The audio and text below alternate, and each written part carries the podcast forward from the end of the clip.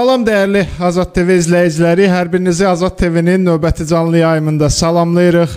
Dəyərli izləyicilər, hər zaman olduğu kimi yenə qarşınızda aktual gündəm mövzularının müzakirəsi ilə ə, e, birlikdəyik və ə, e, çalışacağıq ki, bu gün sizlərlə bərabər yenə maraqlı bir müzakirə aparaq qonağımızla və sizlərlə bərabər yayımımızı bəyənib paylaşın ki, bu yayıma daha çox insan izləyə bilsin, daha çox insan bu müzakirəyə qoşula bilsin və əgər sizin də e, yayım əsnasında fikirləriniz və qonağımıza ümumiyyət suallarınız olarsa, ümumiyyətlə səsləndirməyinizi istədiyiniz fikirlərimiz fikirləriniz olarsa, yayımlarımızın e, canlı yayımlarımızın şərh bölümünə xatırladım ki, yayımlarımız hal-hazırda Twitter, Facebook və YouTube e, platformalarında anda eyni anda davam eləyir e, və Ekranda gördüyünüz WhatsApp nömrəsinə yazılı olaraq göndərə bilərsiniz. Biz də zamanımız çərçivəsində çalışacağıq ki, sizin də fikirlərinizin efirimizdə səslənməsinə e, belə deyək, e, şərait yaradaq.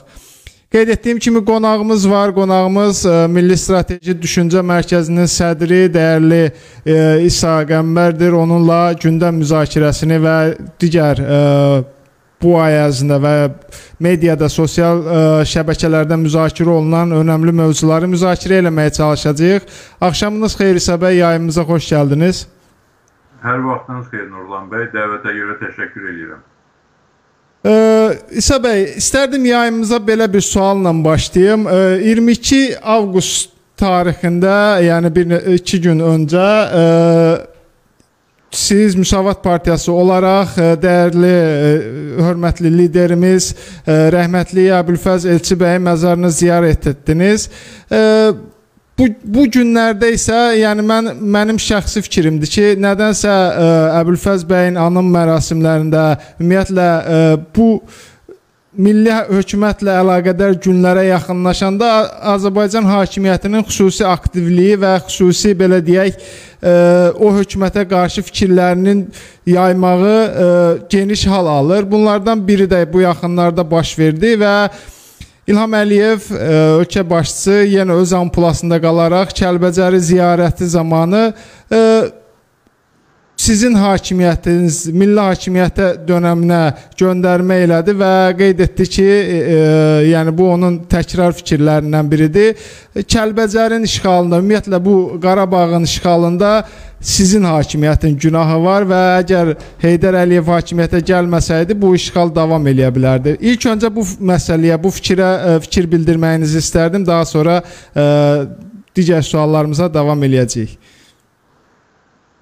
Çox təəssüf ki, İlham Əliyev bu xasiyyətini davam elətdirir. E, bir-iki ay səngimişdi, ancaq Kəlbəcər Laçın səfərində yenidən bu yalanları, bu böhtanları təkrarladı və bunun e, heç bir məntiqini görmək olmur. Təbii ki, e, bu yolla İlham Əliyev e, faktiki olaraq etiraf etmiş olur ki, ölkədə əsas e, müxalifət, əsas opponent kimi hansı qüvvəni qəbul edir və bir daha təsdiq olunur ki, bu rejimin opponenti, bu rejimin gerçək rəqibi e, milli demokratik düşərgədir və Rəssadə icbə xəttinə davam edən siyasi qüvvələrdir. İlk növbədə Müsavat Partiyasıdır. Bunu dolayısıyla İlham Əliyev etiraf etmiş olur. Və üstəlik də ki, mən düşünürəm ki, bu yanaşması e, hakimiyyətə xüsusi bir fayda gətirmədiyi kimi İlham Əliyevin özünə də hər hansı bir fayda gətirmir. Çünki əvvəla xalqın böyük əksəriyyəti gerçəkləri bilir. Bütün gerçəkləri, yaxın tariximizi bu xalq yaşayıbdır, bir yerdə yaşamışıq və yalanları təkrarlamaqla gerçəkləri dəyişdirmək mümkün deyil. Ola bilər ki, az bir qism yeni nəsil, gənclər e, o dövrdə yaşamamış, müstəqillik dönəmində dünyaya gəlmiş və ölkəmizin gələcəyi olan gənclər ola bilər ki, tam şəkildə tarixi bilmirlər. Amma hər dəfə də İlham Əliyev bu yalan və böhtanları təkrar edəndən sonra buna cavab verilir və bu dəfə də məsəl üçün e, Müsavat Partiyasının başqanı Arif Hacılı çox güclü və çox gerçək bir cavab verdi bu ithamlara, bu yalanlara, böhtanlara başqa cavabları da oldu, Tənaseyin və digərləri də cavablar verdilər. Və bir çox mətləblərə yenə də bilməyənlər üçün aydınlıq gətirildi.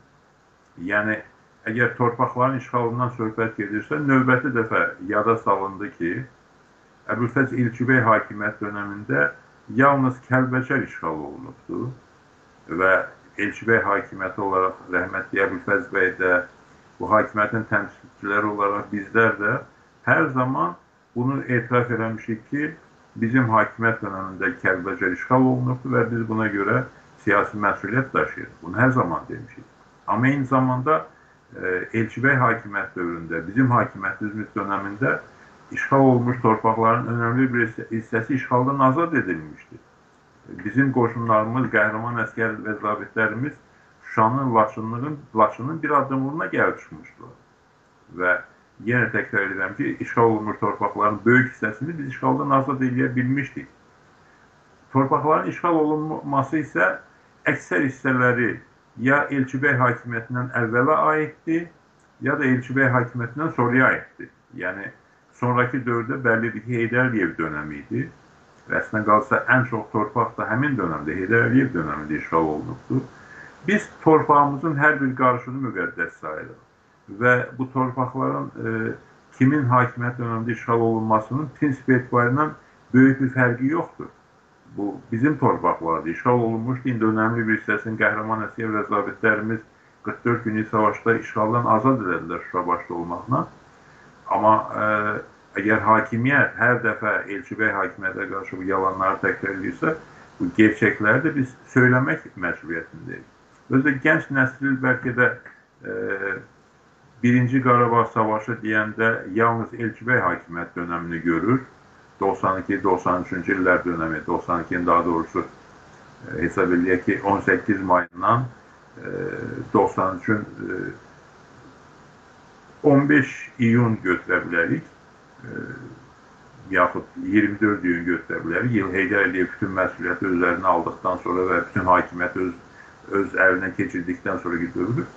Həmin dövr Elçibey dönəmi kimi qiymətləndirilə bilər. Ancaq birinci Qarabağ savaşının başlanmasını biz 91-ci ildə müstəqillik dönəmindən hesab etsək, bu Əliyev və e, Ayaz Mütəllibov dönəmi olubdur və Elçibey hakimiyyətindən sonra isə e, Heydər Əliyev hakimiyyətə gələndən sonra da birinci Qarabağ savaşı davam edibdir. Və o dediyimiz əksər torpaqların Heydər Əliyev dönəmində işğal olunduğu ki, olunduğu ki deyirik, o dönəm davam edirdi və o dönəm 94-cü ilin mayında e, Bişkək protokolu atəşkəs haqqında imzalanana qədər Birinci Qarabağ savaşı davam edirdi və Birinci Qarabağ savaşı da yalnız Elçibey dönəminə aid deyil. Elçibey dönəmində yenə təkrar edirəm ki, torpaqların əksəriyyəti biz işğaldan azad edilməyə nail olmuşdur.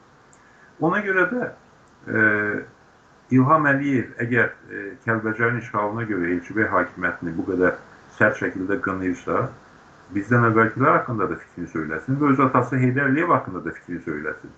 Bu iradları o hakimiyyətə, hakimiyyətə də bildirsin.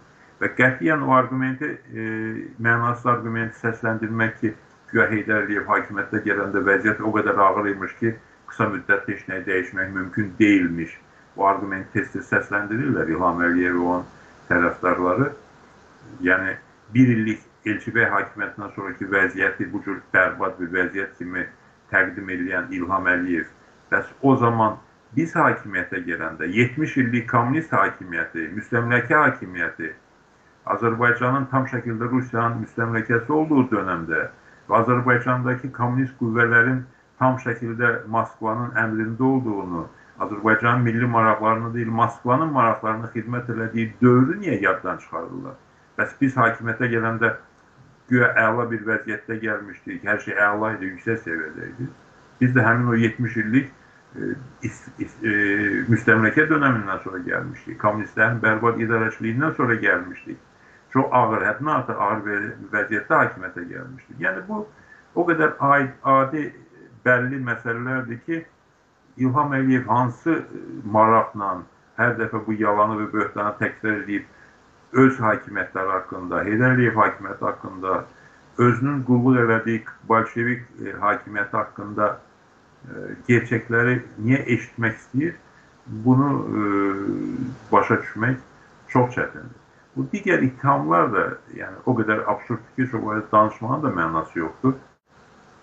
Yəni Əliyev hakimiyyəti kimi korrupsioner bir hakimiyyət, korrupsiyaya görə Azərbaycan dünya səviyyəsində ön yerlərindən birinə çıxdığı bir dövrdəki e, hakimiyyətin rəhbəri Elçibəy hakimiyyətini korrupsiyada ittiham edir. Yəni bu doğrudan da yəni e, o qədər gülünç, o qədər məntiqsiz bir yanaşmadır ki, şərh etməyə də ehtiyac qalmır.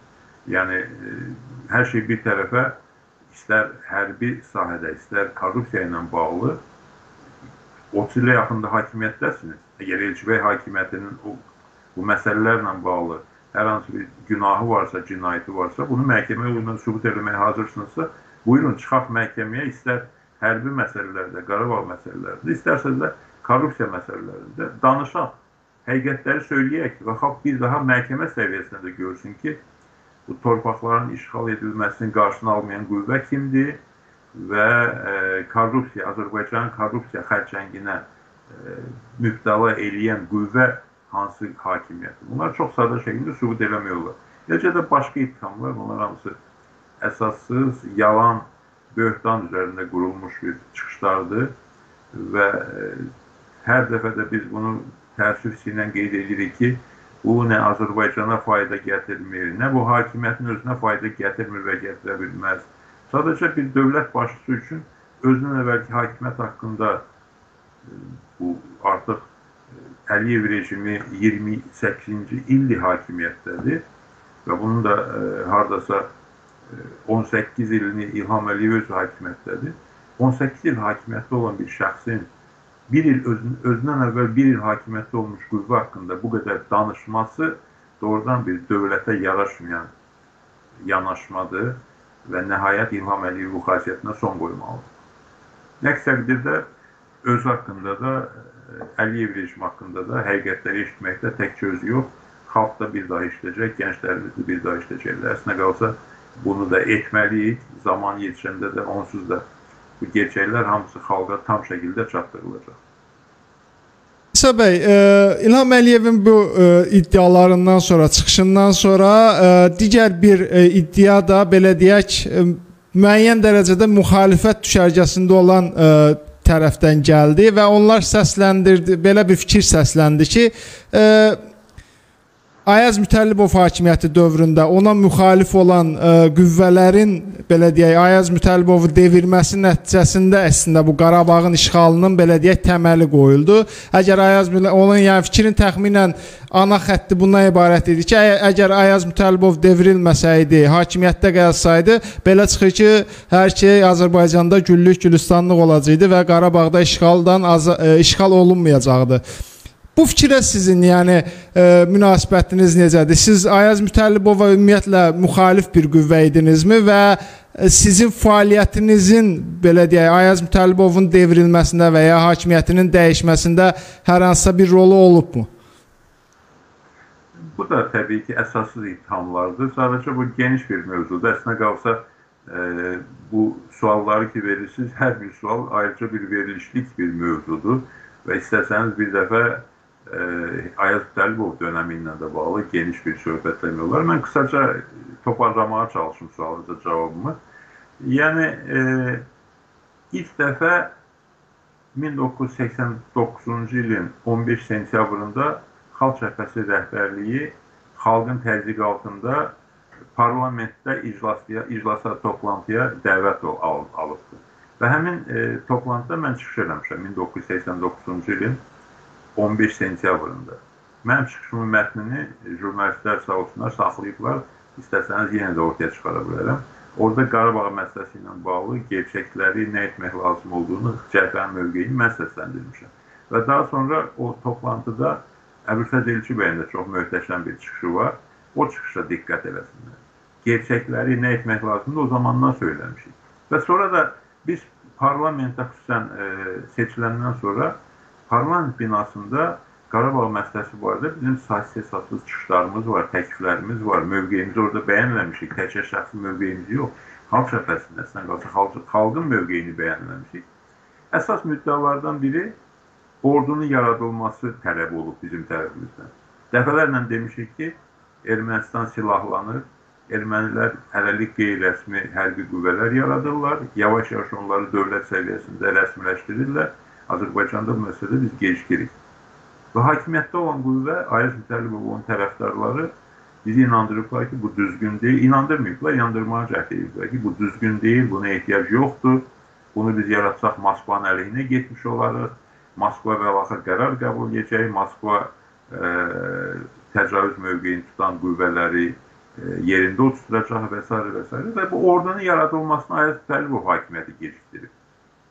Və mən bir epizod dedim, sonraki müzakirələr də o cür ciddi mövzularda davam edirdi. Və sonra da e, 92-ci ilin 5-6 fevralında yenə də parlament binasında ümumxalq müşavirəsi var. Yəni 92-ci ilin 5-6 fevralında, yəni ki, Xocalı faciəsinə 3 həftə qalmış, 20 gün qalmış, orada e, xalq müşavirəsi keçirilir. O müşavirədə Ayət Mütəllibov başda olmaqla hakimiyyət nümayəndələri iştirak edirdilər. Əbülfəz Elçibəy başda olmaqla xalq şəfəsi rəhbərliyi iştirak edirdi. Azərbaycanın görkəmli ziyalıları, ictimai siyasi xadimləri, hərbiçiləri, vətənpərvər övladları çox möhtəşəm bir müşavirə keçirdi. İki gün ərzində əsas mövzuda Qarabağ müdafiənin təşkil olunması, xalqımızın, insanlarımızın qorunması mövzusu olubdur. Və orada da Ayət Dərqov rejimi ciddi şəkildə tənqid olunub. Tək özdə bizim tərəfimizdən yox, həm də ziyalılar tərəfindən, bölgələrdən gəlmiş şəxslər tərəfindən və əksəriyyət Ayət Dərqovun istefasını tələb edir. Orada bir Fəz Elçi bəyin çıxışı var. Elçi bəy e, sonuncu dəfə Ayət Dərqova vaxt verməyi məsləhət görür. Bu vaxt verildi və Ayət Dərqovda o vaxtdan səmərəli istifadə etmək əvəzinə o qədər bərbad idarələri prosesi ki, Xocalı faciəsinin qarşısını ala bilmədik. Biz e, bəzi qüvvələr kimi Azərbaycanın məğlubiyyətlərində, çətinliklərində daxili siyasi qüvvələri ittiham eləmək fikrində deyilik. Bu zərbələri bizə vuran erməni təcavüzkarları olub, erməni aqressorları olub. Ermənistanın arxasında dayanan Moskva olubdur, Moskvanın hərbi qüvvələri olub. Biz bunu gözəl bilirik, hər dəfə də qeyd edirik. Amma bu zərbələrin qabağını almaq Azərbaycan dövlətinin borcu idi, hakimiyyətdə olan qüvvənin borcu idi. Və həmin qüvvə o zərbələrin qarşısını ala bilməyibdir. Və ə, e, həmin dövrdə də, həmin dövrün son mərhələsində də Azərbaycanda hakimiyyət uğrunda mübarizə aparan qüvvələr əsasən Aziz Dəlibov və onun tərəfdarları və Heydər Əliyev və onun tərəfdarları olublar. Xalq cəbhəsi olaraq biz xalqı, cəmiyyəti, bütün siyasi qüvvələri, hakimiyyəti və müxalifəti birliyə çağırmışıq. Bir kompakt bir koalisyon hökumət qurub Qarabağ məsələsini bir yerdə həll etməyə çağırmışıq. Ancaq təəssüf ki, bu çağırışımıza nə mütəllibovçular, nə Əliyevçilər e, tərəfdar çıxmayıblar, öz aralarında mübarizəni davam elətdiriblər və faktiki olaraq həmin vəziyyətdə ölkədə hakimiyyət dəyişibdir və xalq cəbhəsi faktiki olaraq hakimiyyətə gəlməyə məcbur edilibdir. Mən bunu dəfələrlə demişəm. Yenə də tamamilə rahat şəkildə, arxain şəkildə deyirəm ki, çünki bəzən bizi itham edirlər ki, gec gəldiniz hakimiyyətə. Yox. Bizim gəl hakimiyyətə gəlmək istəmirdik. Bizim dərdimiz, istəyimiz, arzumuz hakimiyyət deyildi. Biz hakimiyyət davası eləmirdik. Biz Azərbaycan davası edirdik. Azərbaycanı xilas eləmək istəyirdik. Və hər zaman da təkfir eləmişik ki, hakimiyyətdə olan qüvvə xalqla bütövləşsin, xalqla bir yerdə bu ölkənin dərdini xalqın, Azərbaycanımızın maraqlarına uyğun şəkildə həll etməyə çalışsın. Amma təəssüf ki, nə Elçibəy hakimiyyətindən əvvəlki qüvvələr, nə də Elçibəy hakimiyyətindən sonraki qüvvələr e, bizim bu çağrışlarımıza diqqət eləməyiblər, qulaq asmayıblar və bu dövrün hər bir mərhələsində baş vermiş hadisələrin hər birinin biz sənədlərlə, sübutlarla müzakirəsinə, diskusiyasına hazırıq. Bunu hər kəs bilsin bilənlər onsuz da bilirlər. Ancaq gənclər bu məsələ barədə o qədər də məlumatlı olmayan gənclər də bilsinlər ki, ən mürəkkəb dövrlər haqqında da biz xalqımızla, gənclərimizlə açıq, səmimi, sənədlərə, sübutlara əsaslanan şəkildə söhbətləməyə hazırıq. İsa bəy, siz müəyyən dərəcədə o ə, e, məsələni qeyd etdiniz, amma mən onu bir daha sual olaraq vermək istərdim. Bu 44 günlük müharibədə istər müxalifət olaraq sizin, istər ə, e, cəmiyyətin e, yeşdil olaraq bir nöqtəyə vurduğunu gördük və bunun nəticəsində e, ordumuzun da e, rəşadətin nəticəsində Qarabağın böyük bir hissəsini, işğalda olan böyük bir hissəsini azad etməyə nail olduq. Bəs sizin hakimiyyətiniz dövründə, hansı ki Qarabağın e, işğal olunduğu dövrdə müxalifət olan qüvvələrin fəaliyyətini siz necə dəyərləndirirsiniz? Yəni o vaxtı ə, e, müxalifət nə, necə hərəkət etsəydi, belə deyək, ə, e, Qarabağ işğal olunmazdı və ə, biz heç bu gündə bu qədər şəhid verib Qarabağın yenidən işğaldan azad edilməsini ə, edilməsi üçün müharibə etməzdik. Tamamilə haqlısınız. Yəni biz e, sözünüzü müxalifət, hakimiyyət e, şəklində deyil, mən belə deyim də, e, müsavatçı qüvvələr, Rəsad Elçibəy yolunu gedən qüvvələr və var, bir də var e, bolşevik təfəkkürlü qapalı qüvvələr. İstər Elçibəy hakimiyyətindən əvvəlki qüvvələr, istər ondan sonraki qüvvələr. Bu iki qüvvənin arasında mübarizə gedirdi və bütün bu dönəmdə e, müsavatçı mahiyyətli qüvvələr, istər xalq cəbhəsi olsun, istər müsavat partiyası olsun, istər bu yola ə, e, üstünlük verən digər qüvvələr olsun, bizlər hər zaman ə, e, xalqın birliyini təbliğ eləmişik və milli maraqları, dövlət maraqlarını, xalq maraqlarını hər şeydən üstün tutmağa çağırmışıq.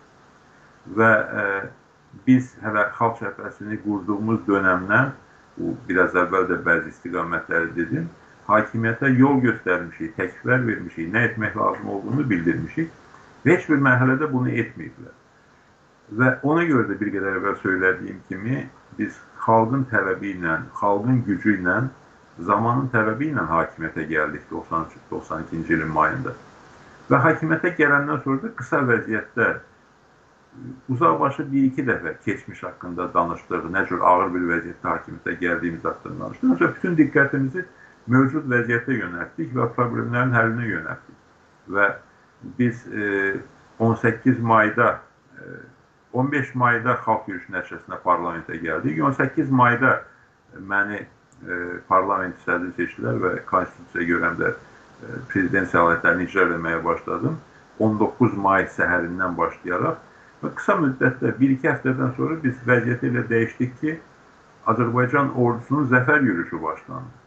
Və həmin zəfər yürüyüşü haqqında bir qədər əvvəl dediyim kimi e, işğal olunmuş torpaqların əksər hissələrini biz işğaldan azad etmədik.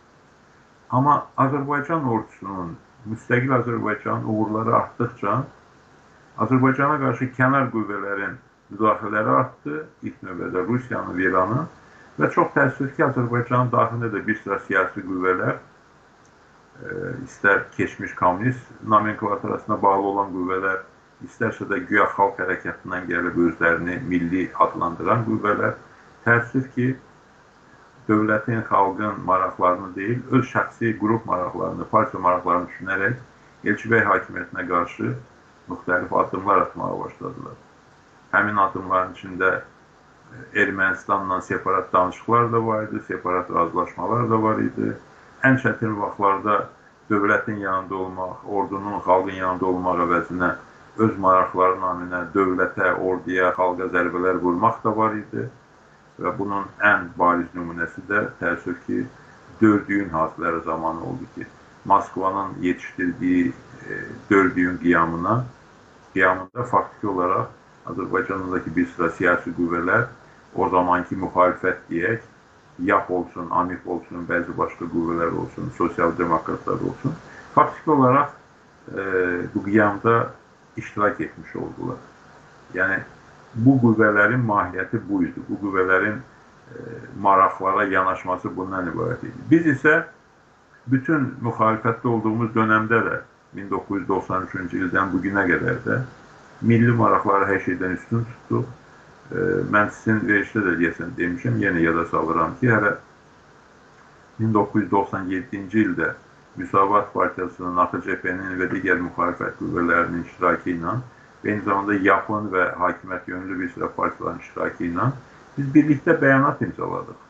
O bəyanatda da göstərdik ki, Qarabağ məsələsində iqtidar müxalifət mövzuyu bizim üçün yoxdur və əgər hərbi əməliyyatlar bərpa olunarsa, bütün siyasi partiyalar öz siyasi fəaliyyətlərini məhdudlaşdırıb bütün qüvvələrini düşmənə qarşı səfərbərliyə almağa yönəldəcəklər. Bunu biz 97-ci ildə bəyan etmişdik və zaman zaman da həmişə təkrarlamışıq. Və indi də 2020-ci ildə də e, bu hə, vəziyyət gərginləşdikcə, Ermənistan provokasiyaları artdıqca, müharibə ehtimalı artdıqca biz mövqeyimizi bir daha bəyan elədik. Müsavat Partiyası da bunu elədi. Milli Strateji Düşüncə Mərkəzi olaraq biz də mövqe bildirdik. Hələ e, 27 sentyabr 5 gün qalmış 22 sentyabrda biz MSM adından Milli Strateji Düşüncə Mərkəzi adından bəyanat verdik və hərbi vəziyyət başlayarsa, hərbi toqquşmalar başlayarsa, bütün demokratik düşərgənin e, xalqın, dövlətin, ordunun yanında olacağını, birlikdə olacağını bəyan etdik və bir sıra istiqamətlər göstərdik. Milli birliyin önəmini vurğuladıq və üstəlik də Türkiyə-Azərbaycan birliyinin bu qələbədə, bu müharibədə Azərbaycan qələbəsinin əsas şərtlərindən biri olduğunu hələ o gün, həmin gündə bəyan etdik. Və müharibə başlayandan sonra da ilk bəyanatı Müsavat Partiyası verib, dəstək verib ordumuza, qəhrəman əskərimizə. Bu, bu şəkildə də davam edibdir. Bugünə qədər də hakimiyyətin bütün yersiz çıxışlarına, bizə hücumlarına baxmayaraq, bəzi səhvlərinə baxmayaraq, biz e, Qarabağ məsələsində, bütün ümumi, ümumi milli məsələlərdə dövlətimizin, ordumuzun, əskərimizin yanındayıq, xalqla bir yerdəyik. Bu şəksiz şübhəsiz belədir və hakimiyyətin mahiyyətinə baxmayaraq bu hər zaman da belə olacaq. Çünki bu bizim mövqeyimizdən irəli gəlir. Bu bizim müsavatçılığımızdan irəli gəlir. Bu bizim Rəsulada elçivə yoluna sədaqətimizdən irəli gəlir. Təşəkkür edirəm Səbəb bu mövzuya açıqlıq. Yəqin ki, bu mövzuya hələ biz növbəti yayımlarda çox toxunacağıq. Çünki İlham Əliyev hələ yəqin ki, bu keçmiş e, milli hakimiyyət dövründə dönəminə hələ çox göndərmələr eləyəcək və yəqin ki, müxalifət də milli ə, düşərgədə bu buna cavab verməyə müəyyən dərəcədə siz də qeyd etdiniz ki, lazımdır və yəqin ki, cavab veriləcək. Ə, digər bir məsələyə toxunmaq istəyirəm. İlham Əliyevin ə, son dövrlərdəki çıxışına bir hissəsinə toxunmaq istəyirəm. Mən deyərdim ki, ə, ümumiyyətlə Əliyevlər hakimiyyətinin ə, ümumi hakimiyyətdə olduğu müddətdə belə deyək, bu hakimiyyətə xas olmayacaq və ya belə deyək, bu hakimiyyətin hakimiyyət üçün sərt açıqlamalar deyə biləcəyimiz Rusiyaya qarşı müəyyən açıqlamalar verildi İlham Əliyev tərəfindən. Rusiyanın Ermənistana silah dəstəyi və Qarabağdakı sülh məramlı belə deyək mövqeyinin tam olaraq yerinə yetirilməməsinə müəyyən bir neçə cümlə də olsa fikir bildirdi və belə yenə deyirəm, bu hakimiyyətin hakimiyyət üçün, yəni Rusiyaya bağlı olduğunu bildiyimizdən bu hakimiyyət üçün Rusiyaya qarşı ən sərt cümlələr belə deyək sərf olundu. Bu ə, belə deyək dəyişimin səbəbini nədə görürsüz İlham Əliyevin bu dəyişiminin? Dəyişimin səbəbi haqqında danışmazdan əvvəl e, bir məqamı qeyd edeyim ki, bu mövzu daim gündəmdədir və elə 10 noyabr e, üçlü bəyanatı imzalanan kimi biz Milli Strateji Düşüncə Mərkəzi olaraq mövqe bildirdik, Müsavat Partiyasının mövqeyi bildirildi və deyildi ki, döyüşlərdəki, savaşdakı uğurumuzu, qəhrəman əskərlərimizin əldə etdiyi uğurları çox yüksək dəyərləndiririk. Amma e, Rus silahlı qüvvələrinin bu dəfə sülhməramlı adı altında Azərbaycan torpağına daxil olmasını mənfi qiymətləndiririk. Bu Azərbaycan üçün, Azərbaycan müstəqilliyi və suverenliyi üçün ciddi təhdid. Bunu həmin günü bəyan etdik və dəfələrlə də bu mövzuda mövqelərimizi, fikirlərimizi açıqladıq. Bu zaman hakimiyyət də, hakimiyyətə yaxın qüvvələr də bunun belə olmadığını, məsələnin bitdiyini, yekunlaşdığını və Rusiyanın e, heç bir təhlükə yaratmadığını deməyə başladılar. Və indi də İlham Əliyev e, həmin məsələləri deməyə məcbur olandan sonra, gündəmə gətirəndən sonra İlham Əliyev məddahları həmişəki e, mövzulardan birinin təkrarına qayıdıblar ki, İlham Əliyev hər şeyindən düzgününü bilir, O bilir ki, nəyi nə zaman etmək lazımdır, nəyi nə zaman demək lazımdır. Bu qeyri-səmimi bir yanaşma. Bu düzgün yanaşma deyil və e, bu Azərbaycana fayda gətirən bir yanaşma deyil. Biz e, İlham Əliyevin çıxışlarına diqqət edirik və son dönəmdə onun çıxışlarında bir e, Rəssadəyə qarşı, Elçibey hakimiyyətinə qarşı, Elçibey şəxsiyyətinə qarşı hücumlarını, söylədikləri yalanları, böhtanları nəzərə almasaq, Qarabağ məsələsi ilə bağlı kifayət qədər maraqlı çıxışlar edir. Razılaşdığımız məqamlar olur. Bəzən açığı hamımızın ürəyimizdən olan sözlər də deyir. Bəzən razılaşmadığımız, razılaşmadığımız məqamlar olur. Diskussiyalıq, mübahisəlik məqamlar olur. Bu da normaldır. Yəni heç kim hər şeyi hamıdan yaxşıla bil bilə bilməz. Və cəmiyyətin, xalqın gücünün ortaya çıxması üçün gərək cəmiyyətin, xalqın, siyasi qüvvələrin hamısının mövqeləri, fikirləri nəzərə alınsın ki, ən düzgün qərarlar qəbul edilsin. Amma deyəndə ki, yox, dövlət başçısı hər şeyi hamıdan yaxşı bilir, nəyi nə zaman etməyi bilir, nəyi nə zaman deməyi bilir, bu artıq e, sözün açığı nə inandırıcı səslənmir, nə də ki, dövlətə, millətə faydalı deyil, bu ziyanlıdır. Bu Sovet dövründə bir anekdot var idi. Onu yadıma salır. E, bu bina tikilir və Sovet dövründə də hər bina tikildikdən sonra bir komissiya gəlirdi, o e, tikintini qəbul edirdi də, işin bitməsini. Və binanın e, sifarişçiləri proraba deyirlər ki, komissiya nə nöqsan görsə, sən onlara deyərsən ki, proyektdə belə nəzərdə tutulmuşdur.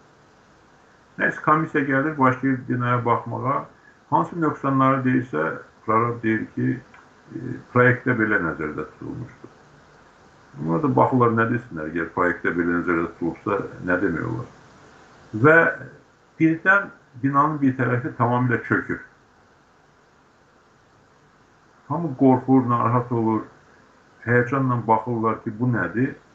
Prorab saatına baxır, elə bizim saata baxan kimi deyir saat 9.36 düz proyektdə nəzərdə olmuş vaxtda bina çöktü.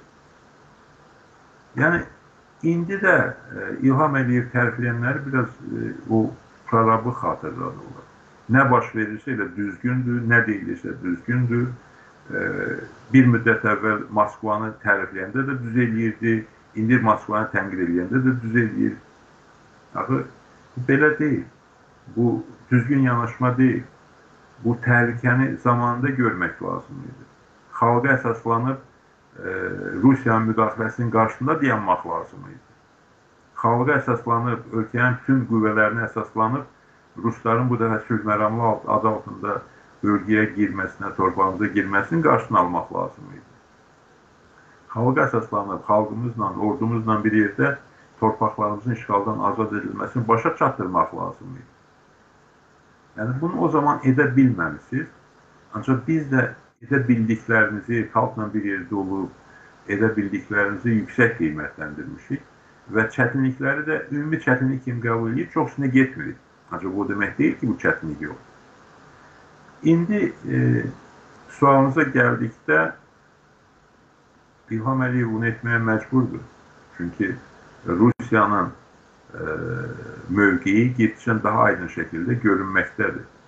Getdikcə daha aydın şəkildə görünür ki, Rusiya bu buradakı ordusunu möhkəmləndirməklə məşğuldur.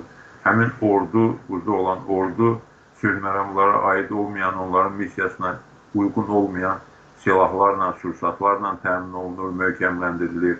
Həmin ordu e, Ermənistanın Qarabağa Qarabağın Rusların nəzarətində olan hissəsini istədiyi vaxt şəkildə, vaxt və şəkildə gəlməyinə şərait yaradır. Rusiya sülh məramları e, Xankəndində və digər işğal altında olan torpaqlarda o ermənilərin mənasız oyuncaq rejiminə dəstək verir, onların üzdə olmasına şərait yaradır və e, Rusiya Ermənistanda anti-Rus mövqeyinin gücləndiyini gördükcə Ermənistanın tərəf jestlər eləməyə və nəticədə təbii ki, Azərbaycana qarşı addımlar atmağa başlayır. Və İlham Əliyev də məcbur olub bunları dilə gətirməyə, bunlara etirazını bildirməyə başlayır. Bildirilməlidir, daha sərt şəkildə, daha aydın şəkildə bildirilməlidir və bu bəlanı xalqla bir yerdə, ölkənin bütün ciddi siyasi qüvvələrinin bir yerdə həll etmək yolu seçilməlidir. Başqa şəkildə bu bəladan qurtarmaq mümkün olmayacaq. Rus bura e, sizin dediyiniz kimi 5 illik müvəqqəti gəldiyi fikrində deyil. Rus əgər özündən asılı olsa, burada heç zaman çıxmayacaq. Bu Xan kəndində olan qüvvələrindən də bütün Azərbaycana və bütün Cənubi Qafqaza nəzarət eləmək üçün, təzyiq göstərmək üçün sui-istifadə eləməklə məşğul olacaq. Bu bir gerçəkdir. Bu gerçəyi həll eləmək üçün yenə deyirəm, Azərbaycan xalqının bütün gücü səfərbərliyə alınmalıdır. Azərbaycanın beynəlxalq əlaqələri ilk növbədə Türkiyə ilə birliyi e, səfərbərliyə alınmalıdır Azərbaycanın xarici siyasəti təkmilləşdirilməlidir. Azərbaycan çağdaş dünya ilə e, anlaşma yolunu daha da gücləndirməlidir, anlaşmağa çalışmalıdır. Çıxış yolu bunda, yoxsa çıxış yolu e, İlham Əliyevi tərifləməklə əldə olunmayacaq.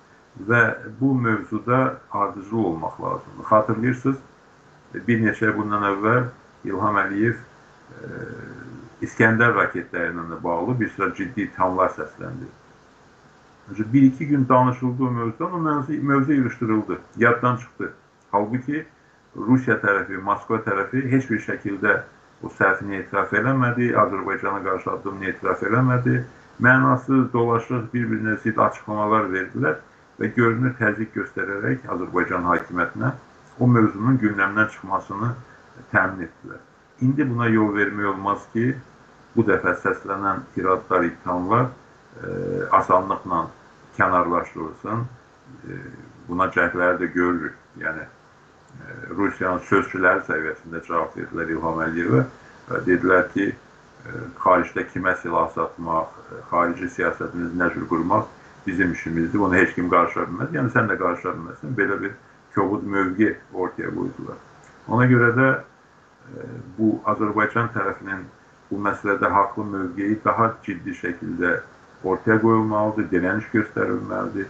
Həm daxili qüvvələr, həm Türkiyə başda olmaqla kənar xarici qüvvələrimizi səfərbərliyə alıb problemlərin həllinə çalışmaq lazımdır. İsa bəy, e, İlham Əliyevin fikirlərindən e, davam eləmək istəyirəm. E, İlham Əliyevin digər fikirləri var idi ki, belə deyək, onun Kəlbəcərə səfəri zamanı, Kəlbəcərə Şuşaya səfəri zamanı belə bir məlumat yayıldı ki, o hətta Laçına da səfər eləmək istəyib və amma buna Rus sülh məramları tərəfindən mane olunub. Bunun, yəni bu məlumat nə qədər ciddidir, nə qədər doğrudur, təbii ki, bu hələ tam bəlli deyil, amma E, məsələ odur ki, yəni bəlli olan odur ki, biz hələ Laçına e, gedə bilmirik. Rusların o icazəsi olmadan ümumiyyətlə orada heç bir əməliyyat, heç bir hərəkət eləyə bilmirik. Belə olan halda İlham Əliyev Kəlbəcərdə çıxışında, bundan öncəki çıxışlarında da e, Zəngəzurun Azərbaycan ərazisi olmasını, İrəvanın hətta Azərbaycan ərazisi olmasını deyir və İrəvana iddia eləyir. Bunun qarşılığı olaraqsa e, artıq bir neçə çıxışında e, Ermənistan dövlətinin başçısı belə deyək, Paşinyansa Azərbaycanla danışıqlar masasına oturmaqdan və hətta son çıxışında sülh danışıqlarına razı olduğundan danışır və İlham Əliyevlə Paşinyanı bu danışıqlarını müqayisə eləsək, hansı daha gerçəkçi görünür və əgər sülh danışıqları ə, məsələsi gündəmə gələrsə, İlham Əliyevin bu fikirləri, bu ə, sülh danışıqlarına ə, belə deyək, zərbə vuran fikirlər ola bilərmi?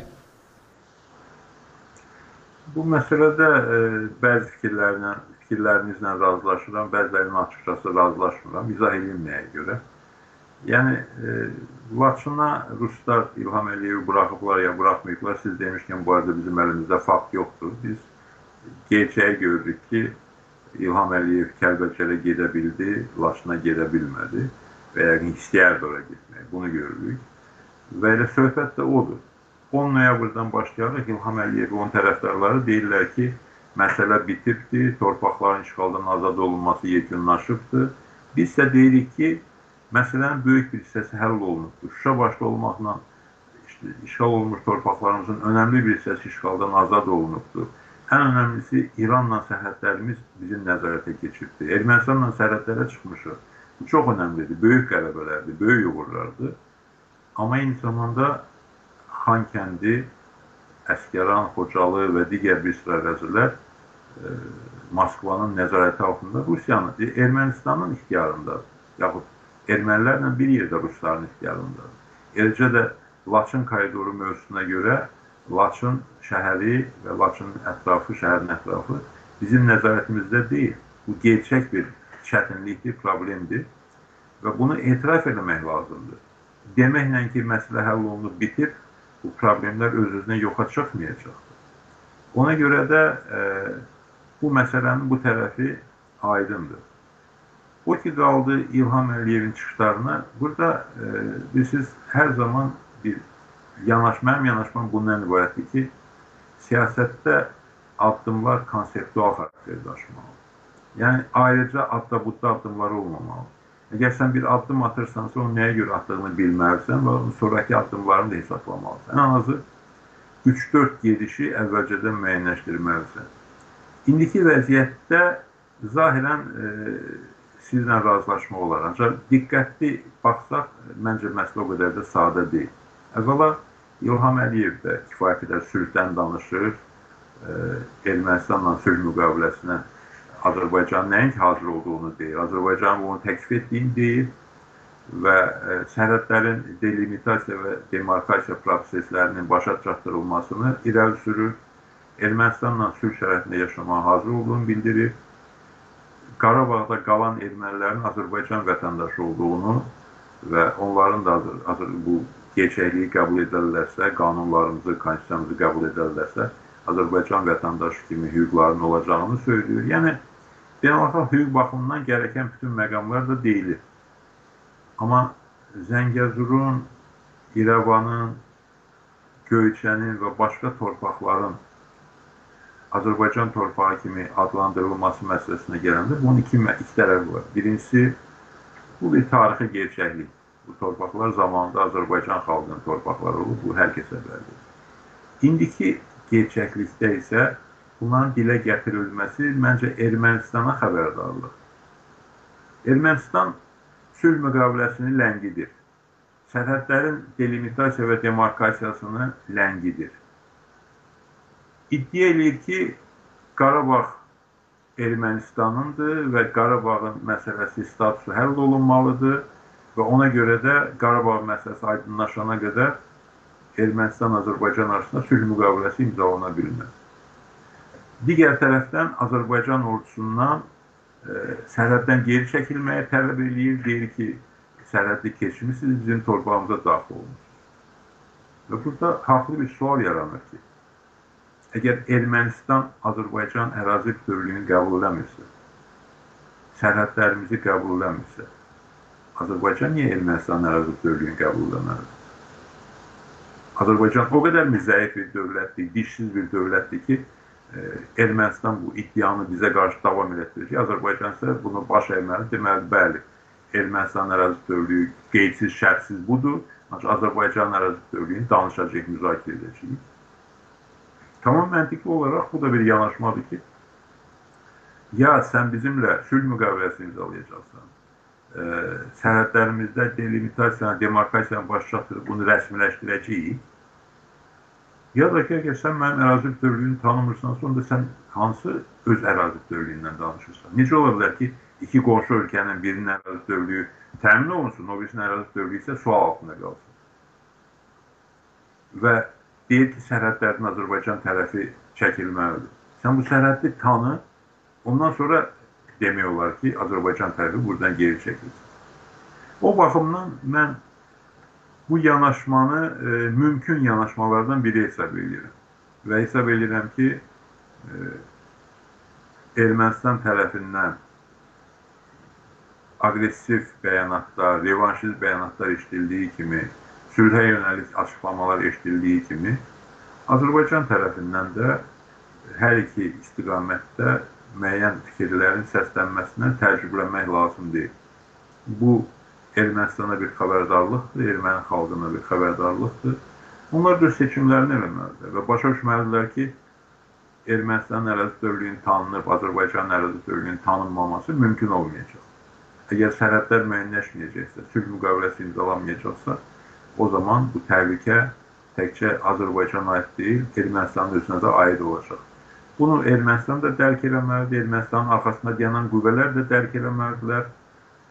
Bu e, məncə e, mümkün bir yanaşmadır və sadəcə olaraq mən yenə fikrimi o yöndə tamamlamaq istəyirəm bu barədə ki, hakimiyyət bu tipli məsələlərdə xalqla, aparıcı siyasi qüvvələrlə birlikdə hərəkət etməlidir. Bu məsələlər e, müzakirələrdən, məsləhətləşmələrdən keçməlidir. Bunu hakimiyyət e, qəbul etmədikcə, təbii ki, Azərbaycanın da mövqələrini daha rahat şəkildə müdafiə eləmək, təmin eləmək e, biraz çətin olacaq. İsa bəy, izləyicilərimizdən ə, e, Həsənqulu Bayramlı ə, belə bir sual ünvanlayıb. Əslində bu sualı mən də ünvanlamaq istəyirdim. Yəni bildiyimiz kimi ə, Qarabağda sülh məramlı qüvvə kimi ə, Türkiyənin də iştirak eləməsi, monitorinq qrupu olaraq iştirak eləməsi nəzərdə tutulurdu və hətta onlar üçün e, xüsusi bir bina tikintisi gedirdi və e, bu barədə e, yəni müzakirələr gedirdi. Sual belədir ki, bu monitorinq qrupundan ə, hələ də bir səs soraq yoxdur. Onların fəaliyyəti barəsində ictimaiyyətə məlumat verilmir. Yəni bu ə, məsələ ilə bağlı sizin fikriniz necədir?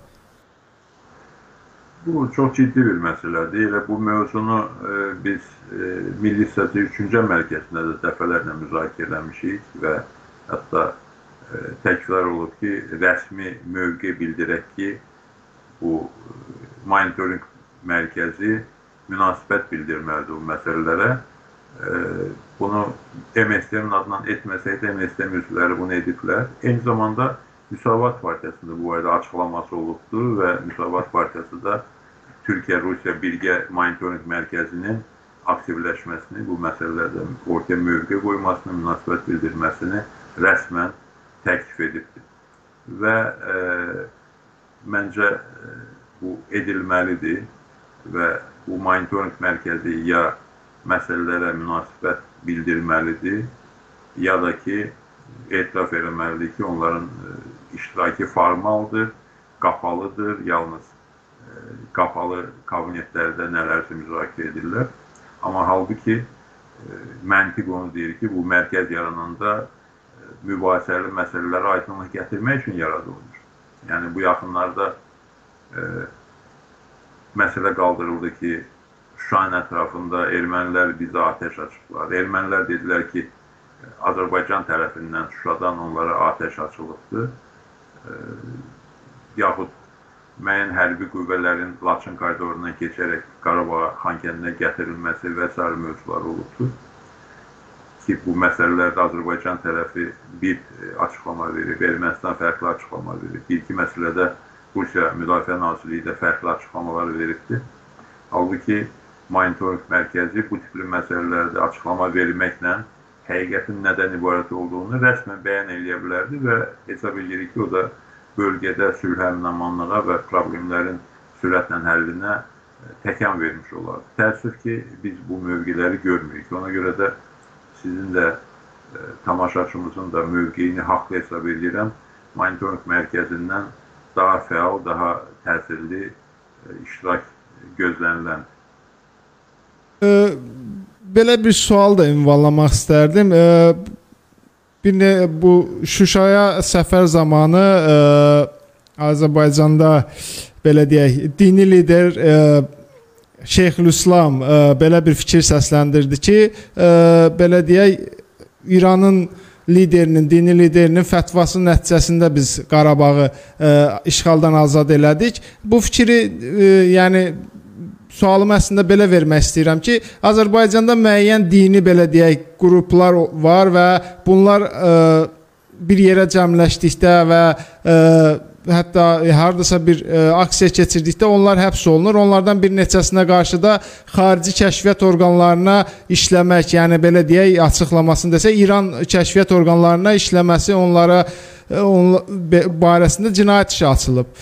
Amma ə, e, Azərbaycanın dini lideri belə bir fikir səsləndirir, ona qarşı heç bir addım atılmır. Yəni bunu son zamanlarda da İranın Azərbaycanda belə deyək ə, e, kəşfiyyat orqanlarının ə, e, aktivləşməsi ə, gözlə görünəcək qədər artıb. Yəni belə bir e, ranklı şəxsin də bu fikri səsləndirməsinə Azərbaycan hakimiyyətindən e, heç bir e, fikir bildirilməməsi, addım atılmamasını siz necə dəyərləndirirsiniz?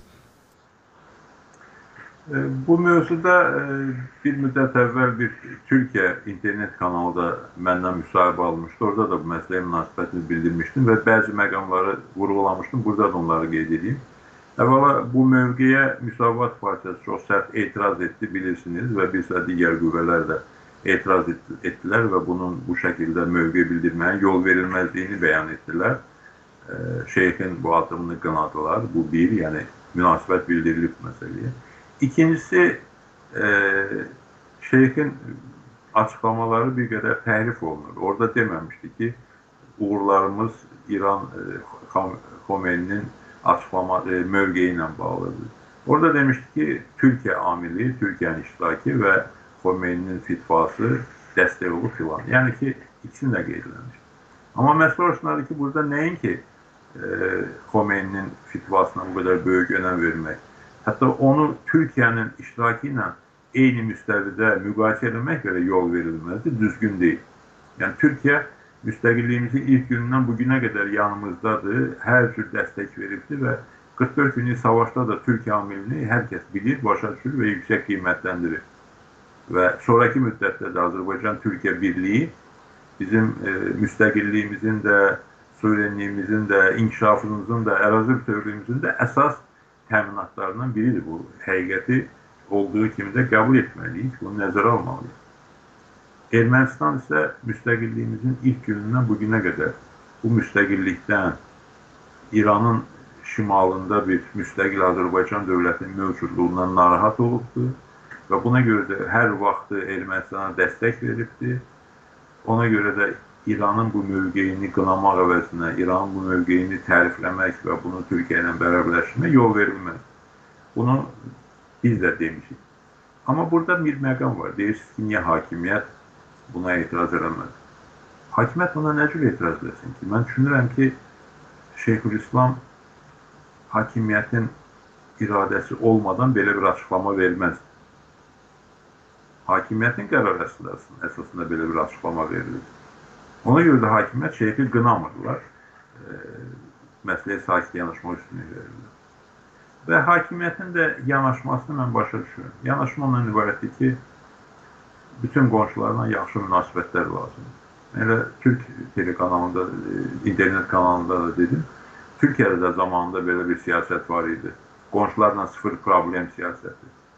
Amma nə oldu? Alınmadı. Çünki Məsələ təkcə səndən asılı deyil ki, sən qonşularla sıfır problem istəyirsən, qonşularla yaxşı münasibət istəyirsən. Hələ gör sənin qonşuların nə istəyirlər?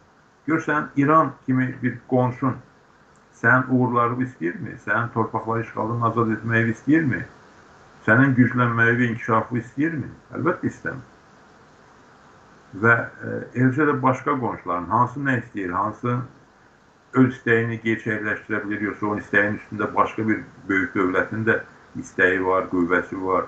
Bunlar hamısı nəzərə alınmalıdır və e, hər şey səndən asılı deyil ki, hamı ilə eyni cür olasan. Ona görə də insan kimi dövlət də dostunu da, düşməni də tanıya bilməlidir.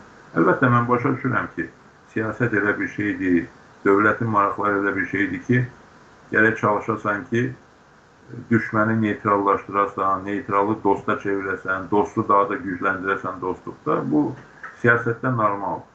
Amma eyni zamanda başa düşməlisən ki, bu istəyin hansı hissəsi realdır, gerçəkdir, hansı hissəsi heç zaman olmayacaq və ona görə də e, bir e, birini neytral vəziyyətə gətirmək üçün dostu e, pisləmək, dostu qınamaq, dostu küstürmək xeyir axtardığın yerdə ziyana gətirib çıxara bilər. Bax, bu sadə həqiqətləri də insan da, dövlət də nəzərə almalıdır. İsa bəy, elə bu mövzuda sual vermək istəyirəm. Biz bil, hakimiyyətin Rusiya tərəfli mövqeyini bilirik, amma İlham Əliyev zaman-zaman həm də Avropaya inteqrasiyadan danışır, Avropaya qərbə inteqrasiyadan, qərblə ə, xoş münasibətlərdən danışır, amma bilirik ki, qərblə bu aralar Rusiyanın heç də münasibətləri yaxşı deyil. Belə olan halda, yəni bizim kimi Azərbaycan kimi belə deyək, kiçik dövlətlər ə, ikisi ilə də eyni belə deyək xoş münasibəti saxlaya bilərmi yoxsa İlham Əliyev ə, e, bir seçim eləməlidir, Qərbi yoxsa Rusiyanı seçməlidir? Yəni belə bir halda ikisi ilə də xoş münasibətləri saxlamaq mümkündürmü? Yəni bu kifayət qədər mürəkkəb bir mövzudur və bəzən e, siyasəti şahmatla müqayisə edirlər. Amma siyasət şahmatdan qat-qat daha mürəkkəb bir fəaliyyət sahəsidir. Yəni hələ uzağa getməyək, şahmatda iki adam bir-biri ilə oynayır. Amma siyasətdə sən eyni zamanda onlarla, bəzən yüzlərlə qüvvə ilə siyasət aparmalısan. Onların arasında dostun da olacaq, düşmənin də olacaq, neytral da olacaq, əməkdaşlıq etmək istədiyin də olacaq. Və bu baxımdan Azərbaycan seçimi ilə bağlı bunun e, bu yolun böyükləri, qurucuları Məhəmməd Əmin Rəfsadənin və digərlərinin tövsiyələri var və Elçibəy xəttinin dəyərləri var, tövsiyələri var. Azərbaycan çağdaş dünya ilə bir yerdə olmalı. Azərbaycan Türkiyə ilə və Avropa ilə bir yerdə olmalı. Eyni zamanda Azərbaycan qonşuları ilə də normal münasibətlərə çalışmalıdır. Və qonşular da normal münasibətə razı olmayanda bu çağdaş dünyanın köməyi ilə, Türkiyənin köməyi ilə qonşuların anormal davranışının qarşısını almağa çalışmalıdır. Çıxış yolu bundadır. Başqa şəkildə mümkün deyil. Biz Azərbaycan Rusiya ilə və başqaları ilə düşmən olmasını istəmirik. Biz normal qonşuluq münasibətlərinin olmasını istəyirik. Amma əvvəla bu təkcə bizdən asılı deyil, Rusiyadan da asılıdır. İkincisi də ki, müttəfiq kimi Türkiyəmiz var. Ciddi tərəfdaş kimi, tərəfdaş kimi, strateji tərəfdaş kimi Avropa var və əslində qalsa Azərbaycan Avropa Birliyi ilə e, strateji əməkdaşlığı möhkəmləşdirmək istiqamətində daha ciddi, daha ardıcıl mövqe ortaya qoymalıdır, addımlar atmalıdır. Və Rusiya kimi dövlətlərlə də normal qonşuluq münasibətlərini qurmağa və saxlamağa çalışmalıyıq. Çünki bizə düşmən lazım deyil. Biz heç kimdən düşmənçilik eləmək istəmirik və bizə qarşı düşmənçilik eləyən qüvvənin də qarşısında dayanmağa məcburuq. O zaman da yenə deyirəm ki, birinci əsas müttəfiqimiz Türkiyə ilə birlikdə və strateji tərəfdaşımız olan Avropa ilə, dünya ilə birlikdə bu təzyiqlərin qarşısını almağa çalışmalıyıq. Sabah son olaraq e, bir sual da vermək istəyirəm. E, Qarabağda bir, bir daha qeyd edirəm, Paşinyan son dövrlərdə sülh danışıqlarından danışır və ə, e, belə ə, siz qeyd etdiniz ki, İlham Əliyev də zaman-zaman belə fikirlər səsləndirir. Əgər bu sülh danışıqları baş tutarsa, yəni Azərbaycan və Ermənistan bir masa arxasında oturub sülh danışıqlarına gedərsə, ə, e, Azərbaycanın ortaya qoymalı olduğu şərt e, hansı olmalıdır? Yəni Qarabağın işğaldan azad edilməsindən başqa təbii ki, tamamilə e, başqa hansı şərtlər qoymalıdır? Çünki yenə deyirəm, İlham Əliyev zaman-zaman e, Zəngəzurdan və elə o sazişdə nəzərdə tutulan dəhlizdən danışır. Bu sülh danışıqlarının Azərbaycan tərəfindən qoyulmalı olan, vacib olan əsas şərti nə olmalıdır? Əvvəla onu qeyd edeyim ki, Paşinyanın sülh çağırışları, e, sülh haqqında danışıqları heç kimi aldatmamalı. Paşinyan e, bu məsələdə səmimi deyil. Paşinyan e, hesab edir ki, çox uğurlu bir model tapıbdır. Ermənistanın təhlükəsizliyini və Xan kəndində, Qarabağda yaşayan ermənilərin təhlükəsizliyini Rusiya təmin etməlidir. Qarabağdakı sülh məramlılar dırnaqarası və Ermənistanla Azərbaycan sərhədindəki e, Rusiya sərhədçiləri. Bunlar Paşinyan planında Ermənistanın və Qarabağda yaşayan ermənilərin təhlükəsizliyini təmin etməlidir. Yəni bu adam dərk eləmir ya qəbul eləmək istəmir, başa düşmək istəmir ki, bu bir dövlət üçün biabırçılıqdır ki, sənin bütün sərhədlərini xarici bir ölkə müdafiə edir. Yəni əvvəl Türkiyə ilə İranla sərhəddə Rusiya yerləşmişdi. İndi artıq Azərbaycanla sənin sərhədinizdə Rusiya qoyuyor. Eyni zamanda Paşinyan e, Qarabağın Azərbaycandan qoparılması, hansısa bir status verilməsi arzularından da imtina eləmir və bunu da beynəlxalq birliyin Minsk qrupunun köməyi ilə həll etmək iddiasındadır. Yəni ona görə də bax bu iki iddianı yaddan çıxartmayın ki, Paşinyan nə heç bir məsələdə e, konstruktiv bir mövqe sərgiləmir.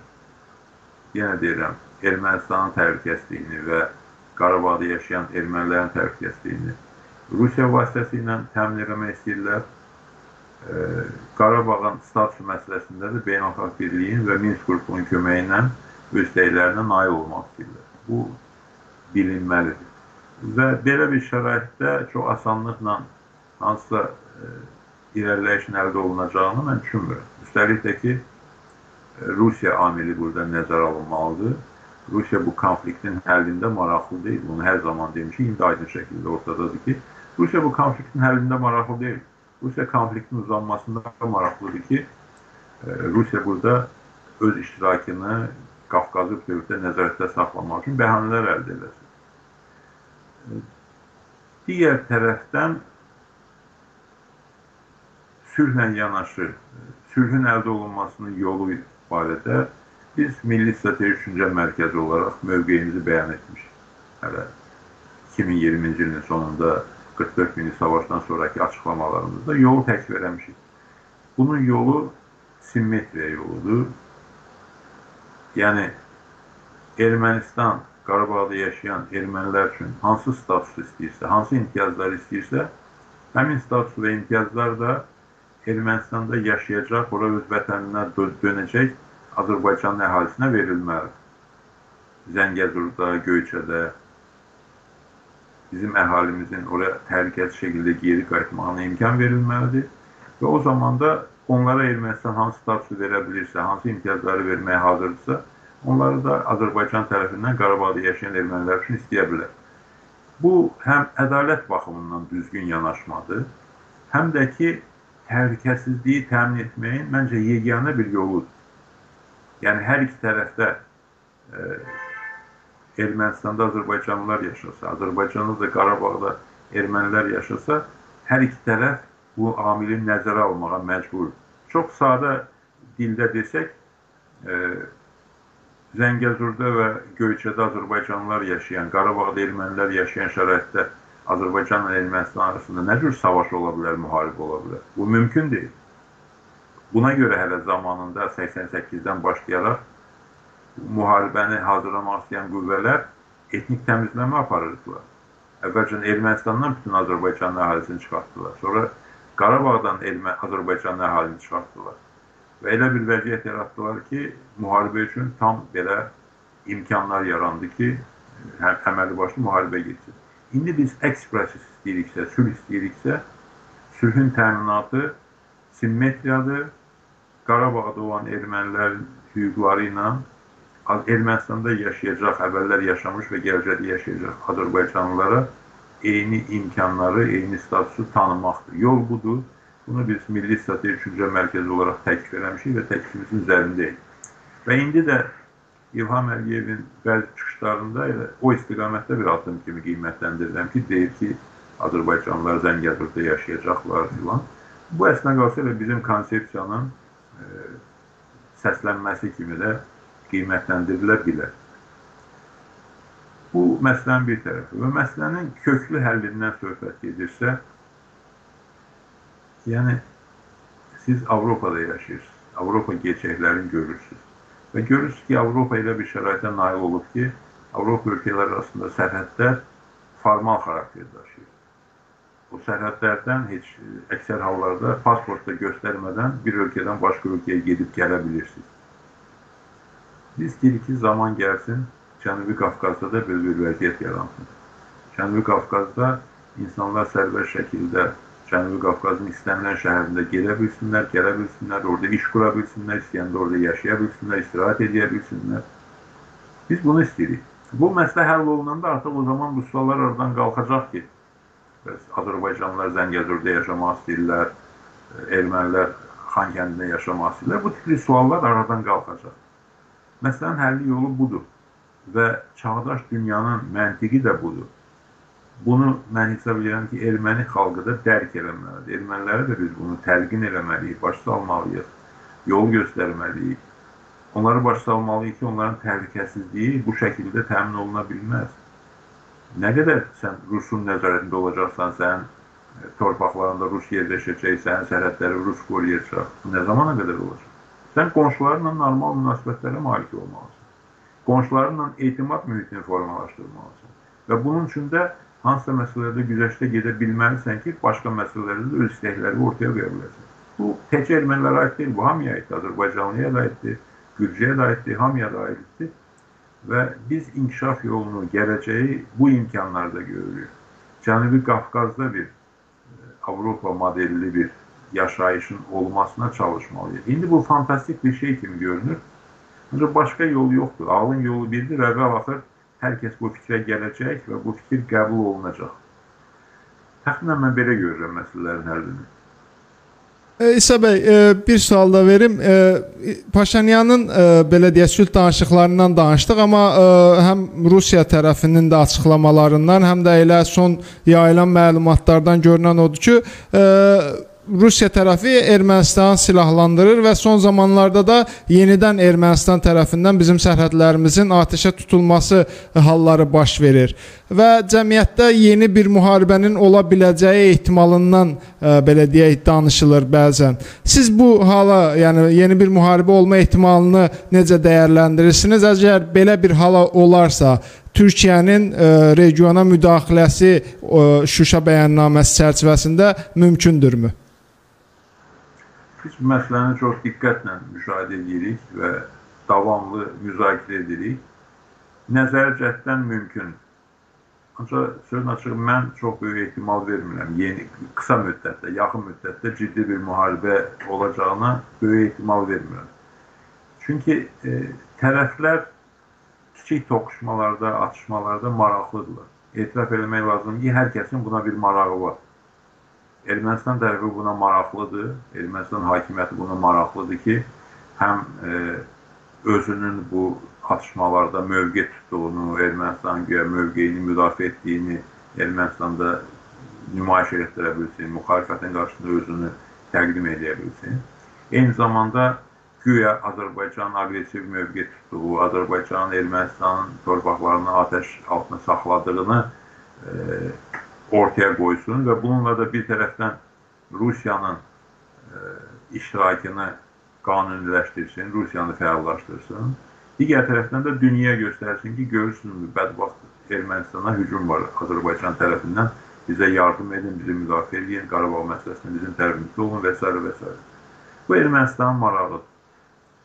Və digər tərəfdən Rusiyanın buna çox ciddi marağı var. Bu toqquşmalarda, atışmalarda ciddi marağı var. Çünki burada əminamanlıq olsa, sakitlik olsa və məsələ həllə doğru getsə, görünsə ki, yaxın aylarda kommunikasiyalar açılacaq, e, delimitasiya və demarkasiya sərhədlərdə başa çatacaq, sülh müqaviləsi həll olunacaq, onda Rusiyanın burada iştirakına nə ehtiyac var? Ona görə də Rusiya maraqlıdır ki, bu məsələlər ləngisin və bu atışmalar, toqquşmalar olsun ki, Rusiyanın burada iştirakına, o cümlədən sülh məramlı adı altında iştirakına əsas yaransın, bəhanə yaransın, bunu əsaslandırsın və e, müəyyən beynəlxalq qüvvələrə də bu lazımdır, toqquşmalar, atışmalar lazımdır ki, yeni müdaxilə üçün, Minsk qrupunun fəallaşdırılmaz zərbəti üçün əlavə arqument qazansınlar. İndiki şəraitdə təhlükəsizliyin olmadığını, bunu Rusiyanın da təmin edə bilmədiyini nümayiş etdirsin. Qərbin də belə bir təəssüf ki, bəzi dairələrinin belə marağı var. Bu Azərbaycanın maraqlarına nə dərəcədə uyğundur? Bu biraz çətin mövzudur əslində qalsa o qədər də uyğun deyil. Ancaq Azərbaycan tərəfi də bu atışmalara məcbur qalır. Və atışmalar olanda da təbii ki, bu da erməni əhalisinin, istər Xankəndindəki erməni əhalisinin, istər də sərhəd boyu erməni əhalisindən müəyyən xəbərdarlıq olur ki, bu sizin üçün pis qudara bilər. Bu tərəfi də var məsələn. Bu baxımdan elə bil ki, bu sərhəd toqquşmaları, kiçik atışmalar elə bil ki, prosesin iştirakçılarının hamısının bu və ya digər maraqlarına cavab verir. Amma geniş bir müharibə düşünmürəm ki, kiminsə marağında olsun. Yəni, çünki geniş bir müharibə, Rusiyanın iştirak edəcəyi müharibə elə sadə bir şey olmayacaq. O halda, bəli, Türkiyənin müdaxiləsi qaçılmaz hala gələcək. Türkiyənin də müdaxiləsi NATO-nun müdaxiləsi deməkdir və məsələnin çox ciddi şəkildə böyüyüb regional miqyasdan qlobal miqyasa keçə biləcəyi təhlükəsidir. Ona görə də mən düşünürəm ki, müharibə təhlükəsi o qədər də real deyil və tərəflər hansısa mərhələdə həm bir-birlərini, həm də özlərini dayandırmağa güc tapacaqlar, arqument tapacaqlar. Amma buna baxmayaraq Azərbaycan və Türkiyə bütün variantlara hər zaman hazır olmalıdır. Bunu hər zaman demişik, yenə də deyirik. Buna hazır olmaq lazımdır. Çünki heç bir halda imkan vermək olmaz ki, hansısa qəfildən bir hadisə baş versin və Azərbaycan və Türkiyə buna hazır olmasınlar. Çox şəkildə, ciddi şəkildə bu məsələ diqqətdə saxlanılmalıdır və bütün variantlara dövlətimiz, ordumuz, həm də Türkiyə hazır olmalıdır. İsa bəy, Azərbaycan hakimiyyətinin marağı bu məsələdə, bu toqquşmalarda və müharibə şəraiti anlayışının saxlanılmasındakı əsas məqsədi konstitusiyadakı son dəyişikliklər ola bilərmi? Daha doğrusu da son referendumda edilən dəyişikliklər ola bilərmi? Referendumda edilmiş dəyişikliklər. Bəli, edilmiş dəyişikliklər. Yəni e, müharibə şəraitində olan bir ölkədə prezident seçkilərinin keçirilməməsi maddəsi səhv eləmirəmsə, orada belə bir maddə əlavə olunub. E, bu maddə e, Azərbaycan hakimiyyətinin bu toqquşmalardakı əsas marağı ola bilərmi? İndiki şəraitdə prezident seçkisi 2000 ə, neçənci ilə 24 24-cü il aid olur da deyəsən 18-də olubdu və 7 il sonra 25-ci ildə. 25-ci ildə olmalıdır. İndən e, indiki gərginliyin 25-ci ildə olacaq prezident seçkilərinə məncə aidiyyəti yoxdur. Aydındır bəy, təşəkkür eləyirəm. E, bir saatdan artıqdır suallara cavablandırdığınız və dəyərli fikirləriniz üçün növbəti yayımlarda görüşmək ümidi ilə gecəniz xeyrə qalsın. Mən də təşəkkür edirəm. Çox sağ olun sizə və bütün tamaşaçılara uğurlar arzulayıram. Sağ olun bəy, gecəniz xeyrə. Dəyərli izləyicilər, qonağımız Milli Strateji Düşüncə Mərkəzinin sədri, dəyərli İsa Qəmbər idi. Düşünürəm ki, bir çox maraqlı mövzulara toxunduq və çox maraqlı müzakirə oldu və düşünürəm ki, bir çox məsələlərə də aydınlıq gətirməyə nail olduq ən azından ə, e, önəmli ə, e, fikirlərin, yəni bu məsələlər üzərində səsləndirilməsinə nail olduq. Belə ə, e, müzakirələrimizin, belə canlı yayımlarımızın davam etməsi sizdən asılıdır. Yayımlarımızı bəyənib paylaşın, ə, səhifəmizə, kanalımıza abunə olun ki, ə, dəstəyiniz nəticəsində kanalı ə, ayaqda tuta bilək və bu cür maraqlı yayımlarımızı davam etdirə bilək. Növbəti yayımlarda görüşmək ümidi ilə gecəniz xeyrə qalsın. الله يمنعتهم